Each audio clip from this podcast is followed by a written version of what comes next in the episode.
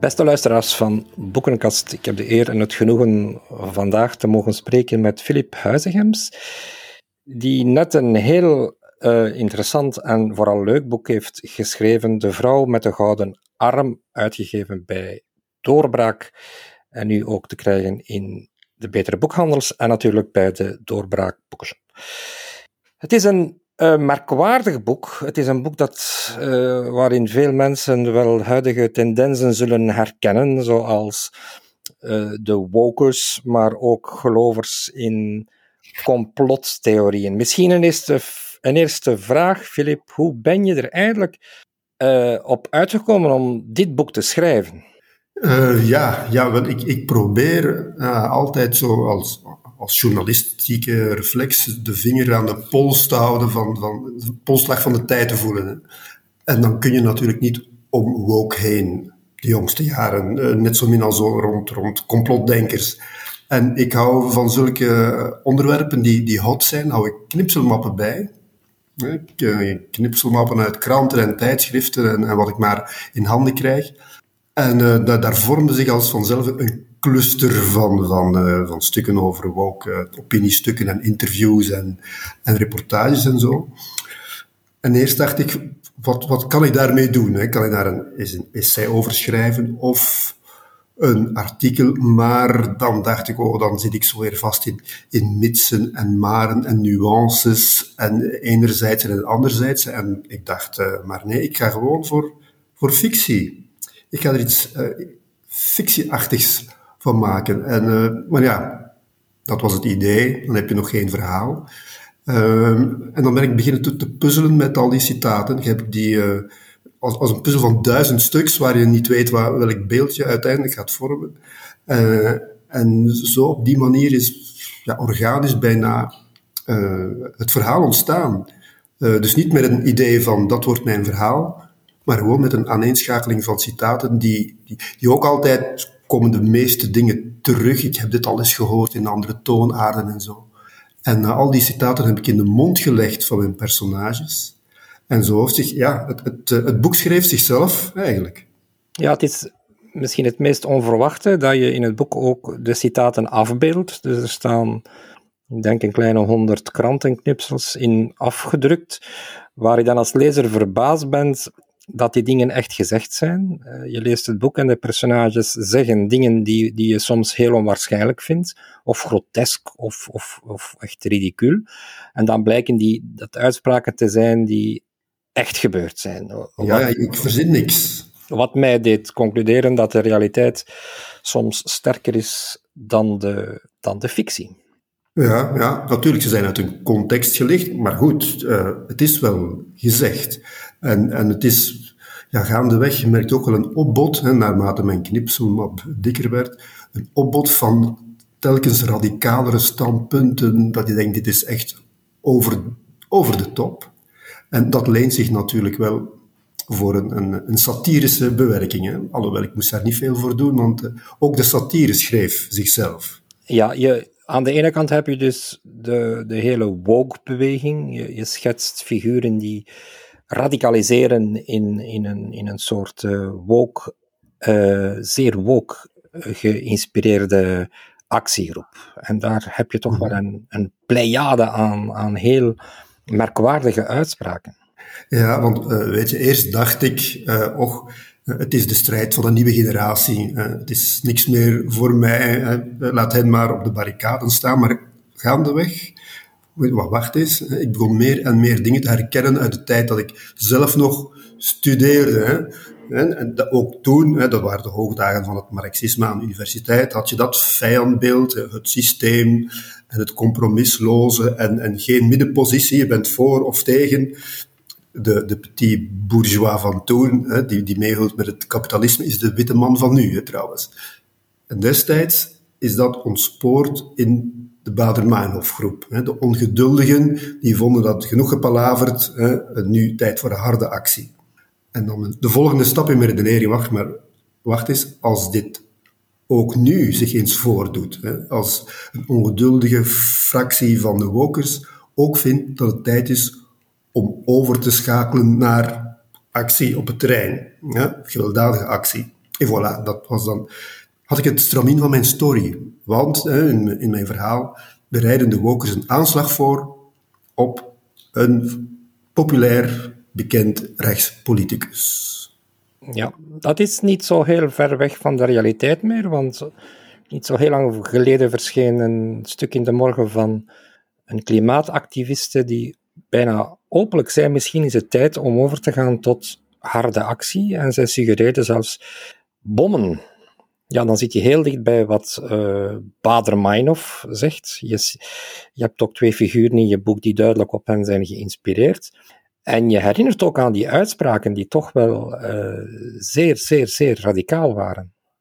Ja, ja ik, ik, laat, ik laat hen gewoon de dingen zeggen die Ulrike Meinhof uh, in, en Bader in hun tijd, in de jaren 60 en begin jaren 70, ook zeiden. Hè. Uh, één auto in brand steken is een... Uh, hoe gaat het vandalisme. Ja, en honderd auto's in brand steken is een politieke daad. Ja. Je ziet ook een, een heel uh, bedenkelijk citaat, waarbij een van uw personages zegt dat de democratie irrelevant is in een immorele maatschappij. Ja, ja, dat is ook ergens, ergens geschreven, uh, in een boek zelfs, hè, en uitgegeven.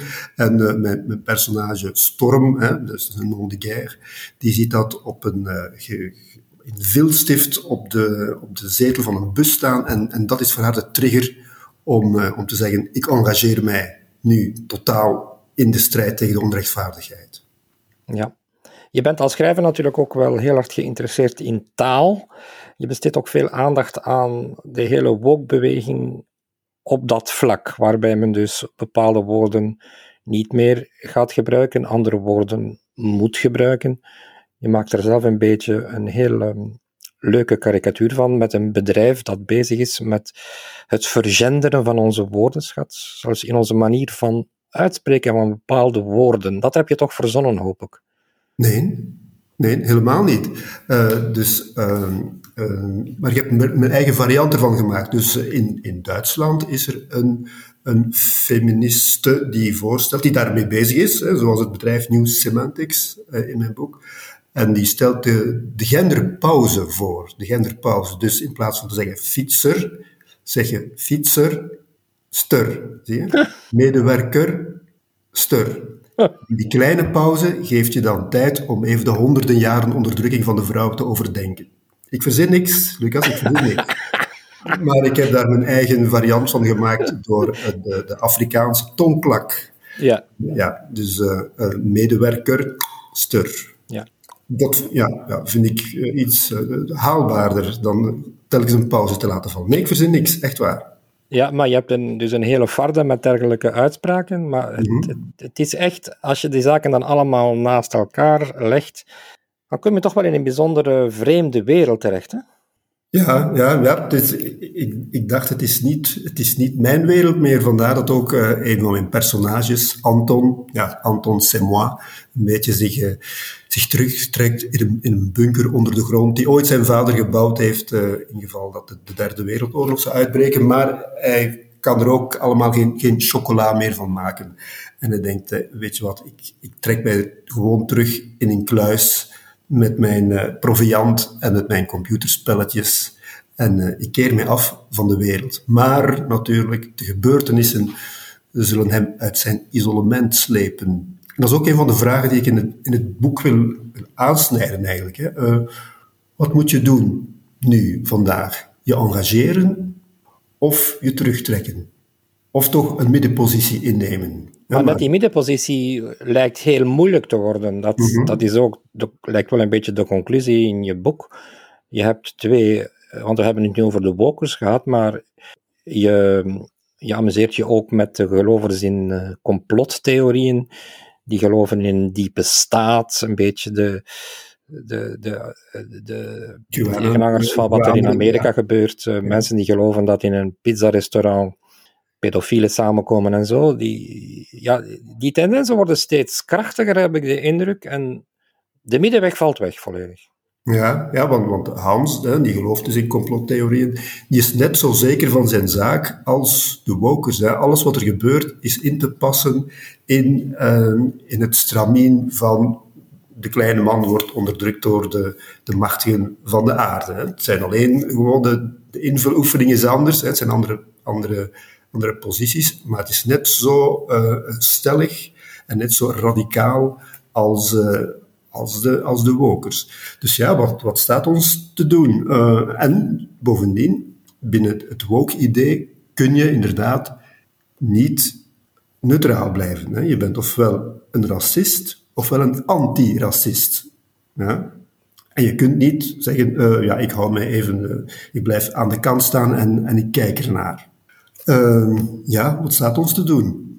Uh, ik weet het zelf ook, ook niet helemaal. Maar ik ja, ben wel die radicalisering beetje... is natuurlijk in de hand gewerkt door de sociale media, mm -hmm. waar er geen plek is voor een middenweg, waar iedereen onmiddellijk gedwongen wordt om een kant te kiezen. En... Ja, maar dat is natuurlijk merkwaardig, ook merkwaardig dat de sociale media de referentie zijn.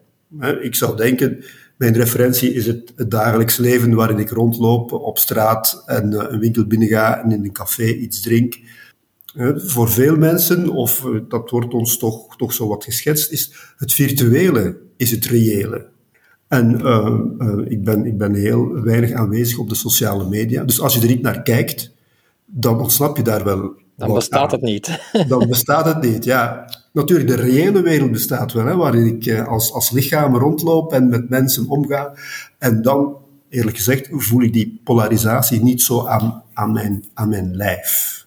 Maar één keer dat je, dat je denkt of ervan uitgaat dat het virtuele de referentie is, hè, het virtuele is het reële, dan natuurlijk, dan zit je al snel in een konijnenpijp. Ja. Dus wat ik dan uh, toch een conclusie zou trekken, zou ik zeggen, ga meer, ga meer buiten onder de echte mensen. Ja, en je eindconclusie in je boek is, uh, Anton citeert voorwaar uh, Voltaire, Il faut cultiver son jardin, de laatste woorden van Candide. Ja. Um, ja, wat bedoel je met die laatste zin eigenlijk? Ja, ja, ja het, het gesprek uh, gaat dan hè, op de, de laatste bladzijden. Hè, is er een betere wereld, ik parafraseer nu, is een betere wereld, rechtvaardiger wereld mogelijk? Ja? En dan zegt hij, ja, we moeten allemaal ons eigen tuintje wieden. Waar hij mee bezig is, hè, is op dat ogenblik ja. uh, voor zijn serre aan het werken. Ik begrijp dat als uh, voor je, dat is mijn persoonlijke lezing daarvan, voor je de wereld bestormt, probeer dan toch eerst je eigen leven op orde te krijgen. voor je de schuld van alles buiten jezelf legt, kijk ook eens naar binnen. Heb je je waarden goed op een rijtje? Ja, ben ik een goede medemens? Ken ik mijn eigen gebreken en defaults? Ja, ja maar kun je zeggen, eh, de struggle is zo groot, daar hebben we geen tijd voor. Ja, maar doe toch maar eens die oefeningen. Is mijn eigen tuintje op orde? Staat er geen onkruid in dat mijn mijn eigen motivatie vervuilt. Het is goed in eigen hart te kijken. Ja, voor ik op de barricaden ga. ja, maar je ziet ook, je schetst dat heel goed, hoe die, die, die groepen, zowel de walkers als de complotisten, um, mensen meesleuren in feite. En dat, dat je nooit kan achteruit kijken. Ja, ja dus... Er is uh, geen weg terug. Uh -huh. En ook, ook daar moet je de, de ware revolutionair durft uh, de moraal tussen haakjes zetten. Er is een, een toneelstuk van Bertolt Brecht, die Maasnamen, dat gretig werd bekeken door de, door de, de Bader-Meinhof-groep en consorten, waarin staat dat de ware revolutionair uh, moet durven liegen, moet durven zijn vrienden bedriegen, moet uh, uh, zichtbaar zijn en onzichtbaar zijn. Het doel heiligt de middelen. Absoluut, ja.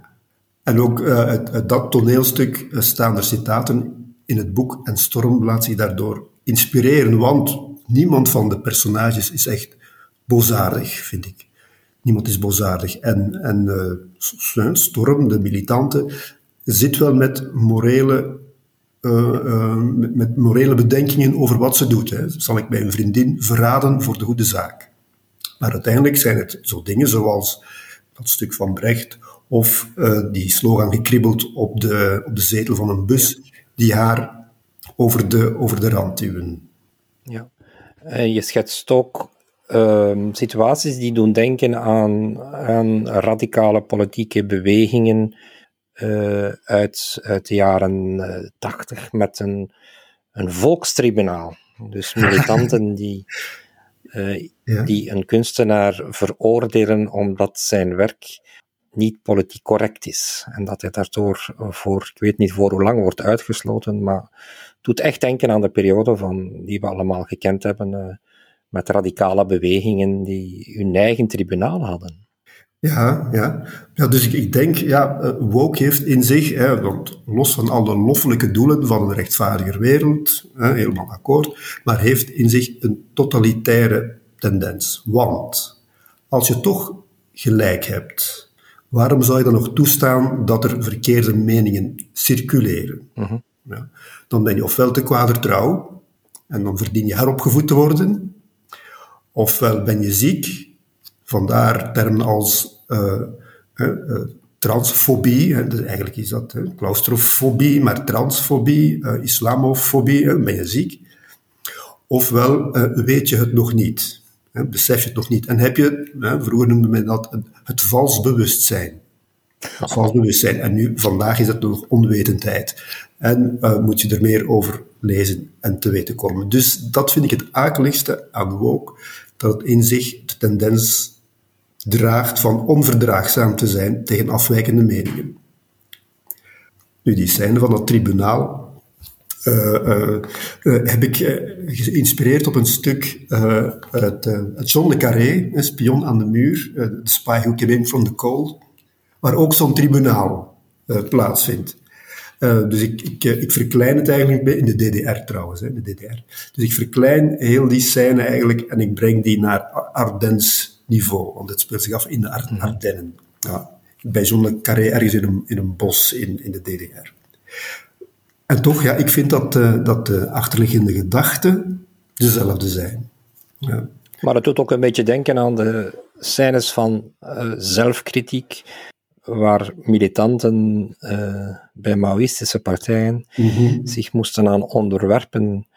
Die moesten letterlijk zeggen wat ze verkeerd gedaan hadden en werden dan gecritiqueerd door de, door de andere leden. Ja, ja, ja, ja, absoluut. Ik, ik vraag me af of dit nu al gebeurt bij Woke. Enfin, ik denk het niet. Maar het potentieel is er. En ik herinner mij nog uit, uit die uh, tijd, uit die periode uh, die je schetst. Uh, soms werd je dan als CIA-agent aan de kaak gesteld. Ja. ja. Dus dan was, je had een subjectieve CIA-agent, ja, die wordt betaald door, door Langley, hè, door de CIA-hoofdkwartier. Maar de objectieve CIA-agent die verdedigt meningen die de CIA in de kaart spelen, ook al beseft hij het zelf niet. Ik hoop ja. dat, we, dat we niet opnieuw uh, die, die, naar die gekte uh, evolueren. Ja, je hebt dat ook nu, waar je heel snel beschuldigd wordt, als je kritiek hebt op woke, dan word je beschuldigd om extreem rechts in de, in de kaart te spelen. Ja, ja, ja, ja, absoluut. Ja, we zijn er, we zijn er al. Ja. Dus mijn, mijn arme personage Michelle Michel, eh, omdat ze zo gezegd heeft meegedaan aan een neocoloniale uh, lingeriecampagne, hè, want ze is fotomodel, wordt totaal gecanceld. Ze heeft geen werk meer. En moet zich dus uh, ook terugtrekken uit het, uit het stedelijke leven, hè, want ze wordt belaagd door, door Jan en Alleman. Mm -hmm. Vrees je niet dat dit boek zal gecanceld worden omdat het politiek niet correct is? Wel, ik moet het bijna hopen. Uh, dan brengt het tenminste iets teweeg. En dan, dan, dan heb ik gelijk. Uh, uh, ja, dat, ja, ja, in, mijn, in mijn wildste dromen vinden er boekverbrandingen plaats van de vrouw met de gouden arm. Dat zou echt het, maar het is nog, grootste finale zijn. Het is nog niet gebeurd. En zoals ik al zei, je bent even kritisch voor de, de tegenhangers van de Wokes, de totaal uh, doorgeslagene uh, ja, gelovers in complottheorieën, die echt heel hard doen denken aan, aan, aan de Amerikaanse volgelingen van Donald Trump, die overal een, een diepe staat zien. Dat schets je ook heel goed en dat maakt je boek vrij evenwichtig. Het is absoluut niet een boek om eens goed te gaan lachen met de wokers. Het is eigenlijk een, een analyse van hoe er momenteel wordt over politiek ook gesproken. Op de sociale media natuurlijk. -hmm. uh, ja, ja. Ik vond het ook wel bevrijdend dat ik het in fictie kon gieten. want je zegt genuanceerd, dankjewel Lucas, maar ik dacht, als ik daar nu een ernstig boek, essay, artikel over schrijf, dan, dan loop ik vast in te veel nuances. Ja, en ik voelde mij, mijn handen vrij uh, om eens flink aan de gang te gaan uh, met fictie. Dan heb ik meer rugdekking, bij wijze van spreken. Maar ja, blijkbaar is het dan toch ook nog uh, evenwichtig op zijn pootjes geland. Ja. ja. maar het doet mij misschien door die eindquote een beetje denken aan, aan, de, aan de luchtige toon van Voltaire in Candide, -huh. die ook heel eh, vreemde situaties meemaakt, een soort uh, wereldreis maakt en dan uiteindelijk zegt, we moeten maar onze, onze tuin in, in orde houden. Maar je, je suggereert een, een, een moment uh, dat uiteindelijk, een, het, ik zal niks over de afloop vertellen, maar die een beetje doet denken aan de bestorming van het kapitool. Daar suggereer je in het begin van het boek uh, met een politicus die duidelijk geïnspireerd is op Trump, een soort Vlaamse, Vlaamse Trump, uh-huh. die op handen wordt gedragen als de enige die, heeft, die iets durft te zeggen door de complotisten. Ja. Wel, is, uh, is, dat op iemand geïnspireerd, een, een Vlaams politicus? Wel, hij, hij, heet Leo Dankers. Ja. Misschien kun je een rijmpje bedenken met een Vlaamse politicus. Uh, maar die, de bestorming van, van het, uh, want het verhaal speelt zich af in, in Vlaanderen, in België. De bestorming van, van het parlement, uh, die ik suggereer, is ge, ge, gebaseerd niet zozeer op de bestorming van het kapitool, maar op de bestorming van de Duitse Reichstag, een half jaar eerder. Waar hier nauwelijks iets over verschenen is. Ja, ja.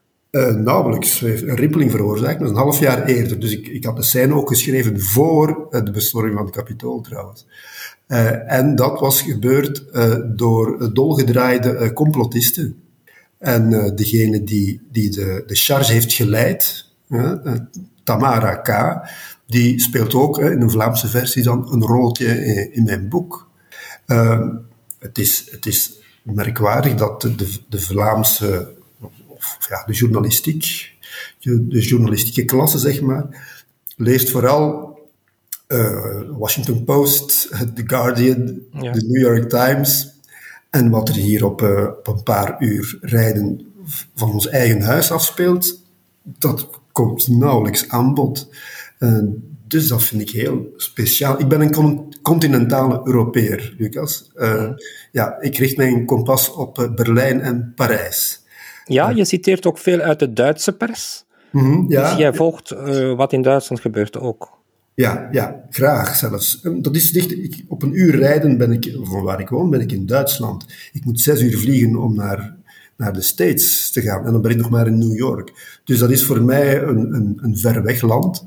En toch, als ik, naar, als ik de krant lees of als ik uh, naar tv kijk, uh, word ik altijd bestookt met nieuws uit de States. Ja. Uh, dat vind ik het, uh, het, het, het, speciale. Ja. Niet zo speciaal dat ik Duitse kranten lees, maar dat, dat zoveel mensen zich richten op de Anglo-Saxische wereld. En dan maar zeggen, de Europese Unie heeft geen draagvlak. Ja, ja. ja dat komt ervan. Ja.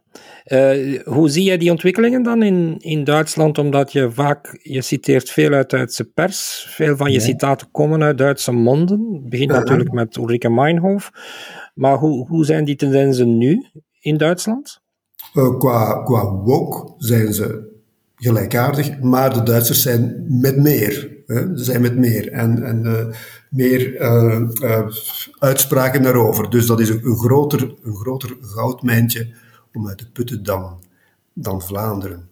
Uh, maar bedoel je de, de, Duitse politiek? Ja, daar heb ik me nu niet zo op toegespitst voor, voor dit boek. Maar de, de tendensen van samenzweringen en de tendensen van woke lopen gelijk met, uh, met wat we bij ons zien. Ja, zie je daarin een, een, een, een fenomeen dat groter wordt steeds? Ja, ja, ja, echt wel. Nu, Frankrijk probeert, in Frankrijk is het intellectuele leven probeert nog wat. Uh, de, de laïcité wordt ook al uh, een beetje, daar wordt ook al aan gemordeld natuurlijk. Hè. Ik heb eens een, een interview gehoord, uh, BBC World Service, met een Franse politicus, en het was een dovemansgesprek. De, de, de, de, de Franse, ik weet niet meer wie het was, die probeerden de, de lekenstaat en de laïciteit te verdedigen. Hè. We zijn allemaal republikeinen en zo. En de Britse journalist die kon daar echt uh, die kon daar niet in komen. Dus uh, uh, ja, in Frankrijk probeert men nog de republiek en, te redden. te redden, ja. ja. Goed, Filip, ik ga je bedanken voor dit heel aangename gesprek en je boek De Vrouw met de Gouden Arm, uitgegeven bij Doorbraak, aan iedereen aan te bevelen, dus te verkrijgen op onze webshop. Het is uh, nog maar net uit, maar het is zeker de moeite om te lezen. Bedankt, beste luisteraars. Bedankt, Filip. Tot, Tot gauw.